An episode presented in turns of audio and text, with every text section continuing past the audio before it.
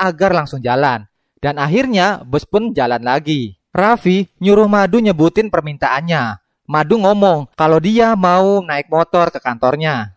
Setaram langsung nyari akal buat ngedapetin sepeda motor. Dan kebetulan di depannya ada seseorang yang lagi pakai motor. Setaram ngancam bakal nilang motor itu, kecuali dia mau kerjasama ngasihin motornya ke petugas yang berbaju merah yang ada di halte. Tiba-tiba, sepeda motor pun datang, dan akhirnya mereka pun pergi menggunakan sepeda motor itu. Ketika sampai di kantor, Raffi langsung mengambil kartu kunci tanpa sepengetahuan Madu.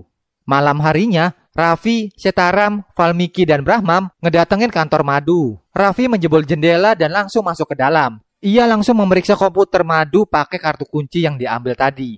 Dan akhirnya diketahui kalau Bitu dan kroni-kroninya akan kabur ke Dubai melalui Mumbai besok. Setaram berencana menangkap Bitu dan Travel Murti besok. Pas Bitu ngambil passwordnya